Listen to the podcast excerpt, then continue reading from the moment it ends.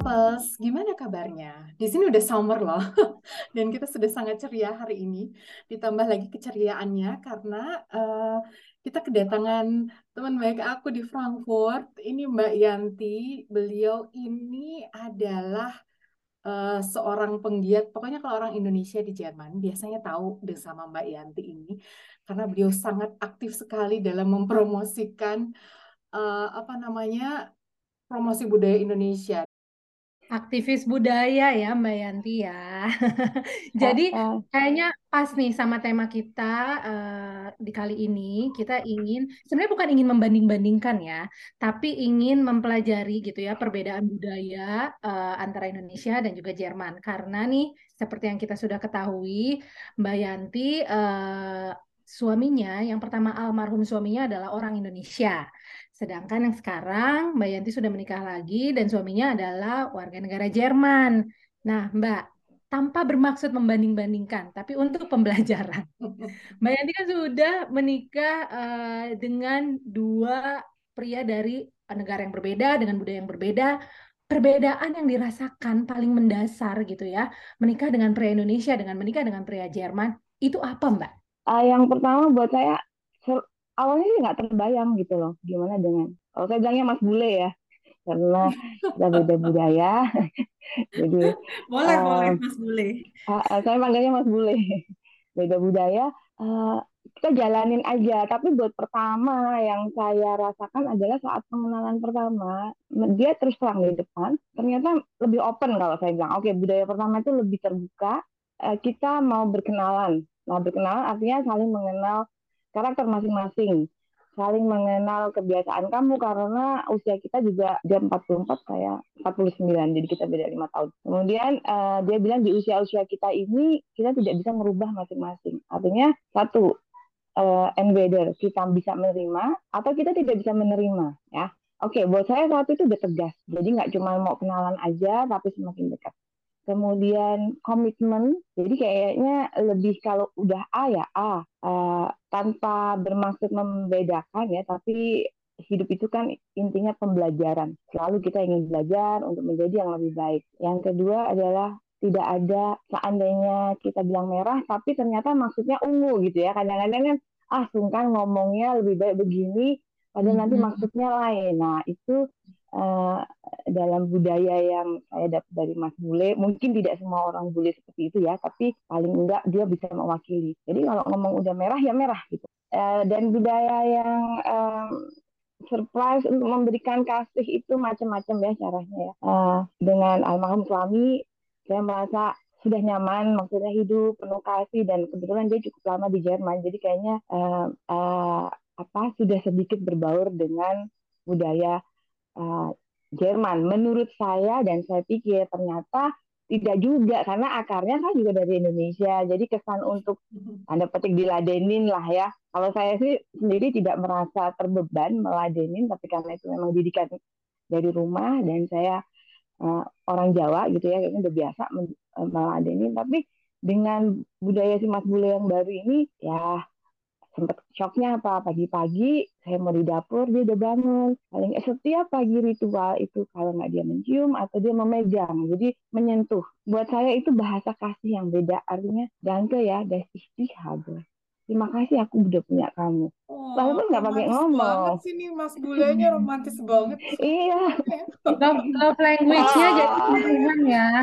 Benar. Jadi dengan sentuhan uh, sentuhan itu yang membuat apa keharmonisan menambah atau kita bilang kita kan harus pupuk ya namanya sayang itu ya. Kemudian apalagi oh tahu pagi bangun Yanti nanti aku mau cuci baju yang berwarna. Kalau di Jerman sini kan kita bedain ya hari ini mau nyuci yang warna hitam aja atau yang berwarna atau yang putih. Dia bilang nanti aku nanti mau cuci yang berwarna. Kalau kamu ada baju yang kotor tambahan maksudnya di sini kan ada apa keranjang-keranjang untuk cucian. Kalau kamu ada tambahan masukin ya. Hah? Aku bilang dia mau cuci baju. Itu aja buat aku oh.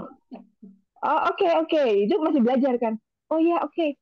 Oke, okay, terus aku bilang, oh ya udah tugasnya dia uh, untuk cuci baju dan dia enjoy kok kayaknya gitu ya, tidak terbebani. Udahlah kita begitu tugas. Terus kemandirian kalau saya pulang kerja aku bilang entar pulang kerja aku masih ada acara uh, apa ada acara organisasi atau undangan dari airline atau dari konsulat gitu ya terus dia bilang itu oke okay. kamu nggak usah mikirin aku makannya pasti kamu di acara itu ada makan. Jadi dia ngatur sendiri makannya. Buat saya tidak merasa bersalah ya sebagai istri. Kalau dulu bilang, aduh, kok suaminya ditinggal tinggal belum disiapin makan gitu ya. Tapi dari dia langsung, oke okay nanti, kamu pulangnya hati-hati ya. Kamu gak usah mikirin aku, ntar aku bisa bikin masakan sendiri. Mbak, aku jadi penasaran deh, Mbak. Jadi kan ini uh, kalau aku melihat ya hubungan Mbak Yanti sama suami ini bener-bener sweet gitu ya. Jadi ada banyak lah tadi yang Mbak Yanti ceritain gitu, termasuk proses adaptasi gitu ya, dan challenge-nya juga pasti ada.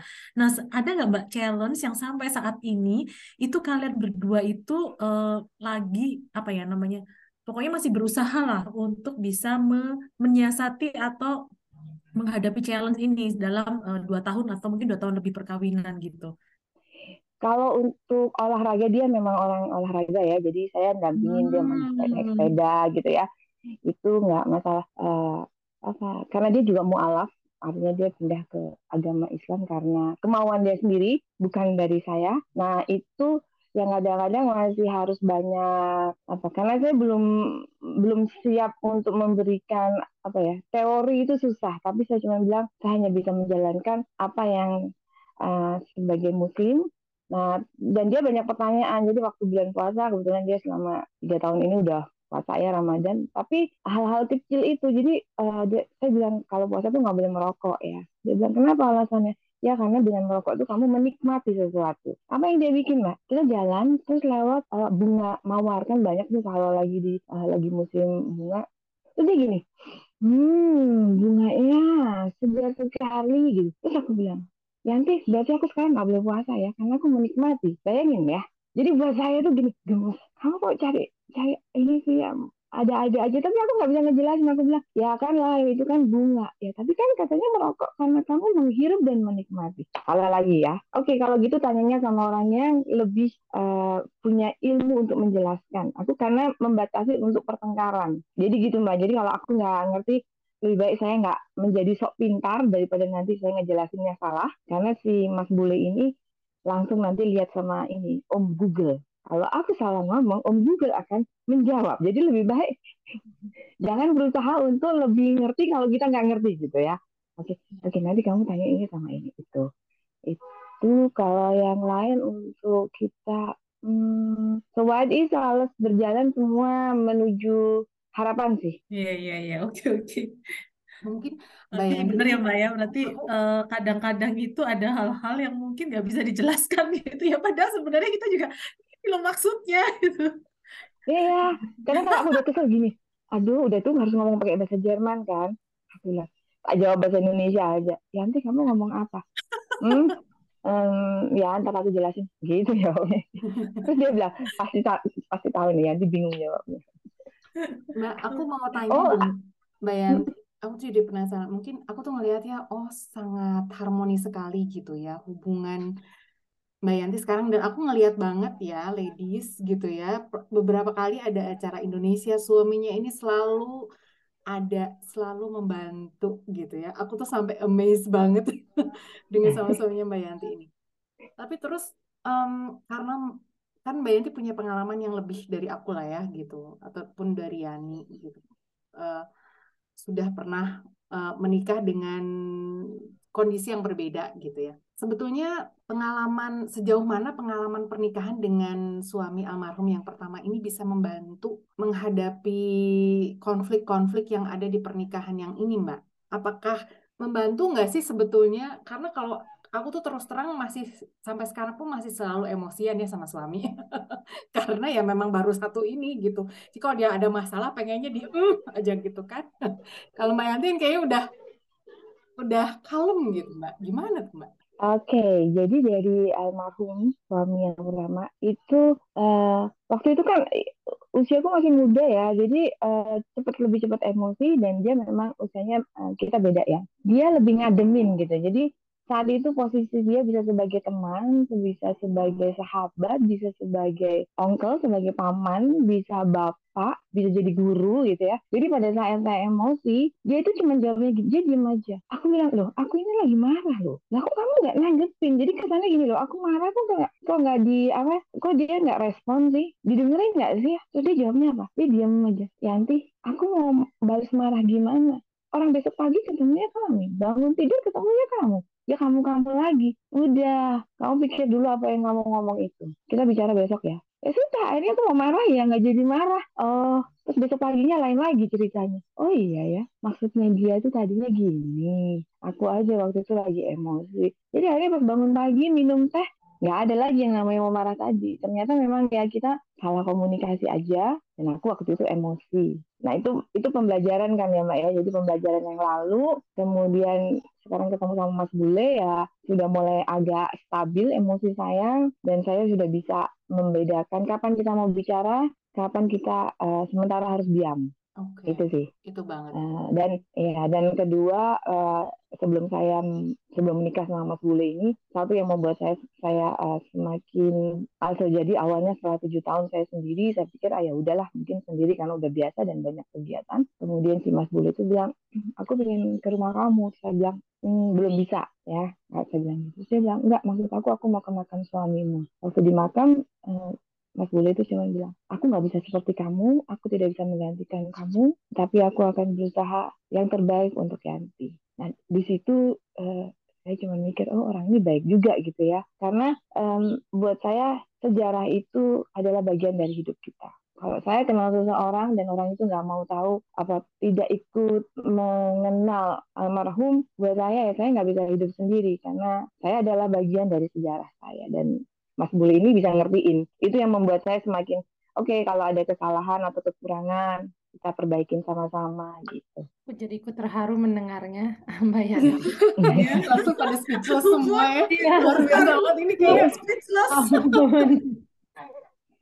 nah ini mungkin uh, ini ini jadi bridging yang perfect sekali buat tips kita. Uh, Mbak Yanti barangkali mau ngasih tips nih buat pendengar Mix Couples uh, bagaimana hmm. tadi kan Mbak Yanti setelah tujuh tahun nih sendiri gitu ya. Terus akhirnya membuka hati lagi untuk si Mas Bule ini yang emang kayaknya nggak bisa nggak membuka hati ya kalau sesuit itu gitu ya.